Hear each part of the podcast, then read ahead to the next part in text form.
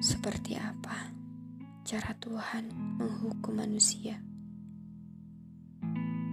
Tentu Tuhan tidak akan pernah membiarkan hambanya menyakiti orang lain begitu saja. Istilahnya adalah hukum karma pasti berlaku. Lantas, karma seperti apa itu? Tentu manusia yakin dan percaya itu akan terjadi. Namun, mengapa banyak sekali kekejaman yang terjadi? Seperti apa sebenarnya cara Tuhan menghukum manusia? Apa dengan mempertemukan kekejaman dengan kekejaman?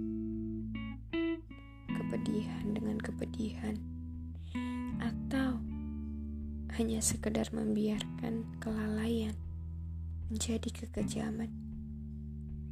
Aku rasa akan terlalu angkuh jika manusia hanya merasa lalai hingga ia terabaikan.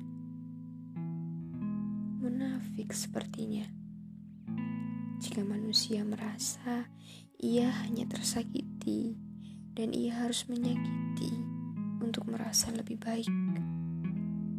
Terkadang mungkin manusia juga terlalu percaya diri, sehingga pada saat ia tersakiti, ia merasa akan datang balasan atas rasa sakit yang dideritanya melalui sebuah perantara Bukankah secara tidak langsung hal itu termasuk kekejaman? Berdoa tentang sebuah hari pembalasan. Bagaimana sebenarnya cara Tuhan menghukum manusia? Mungkinkah bukan dengan rasa kecewa dan kesendirian?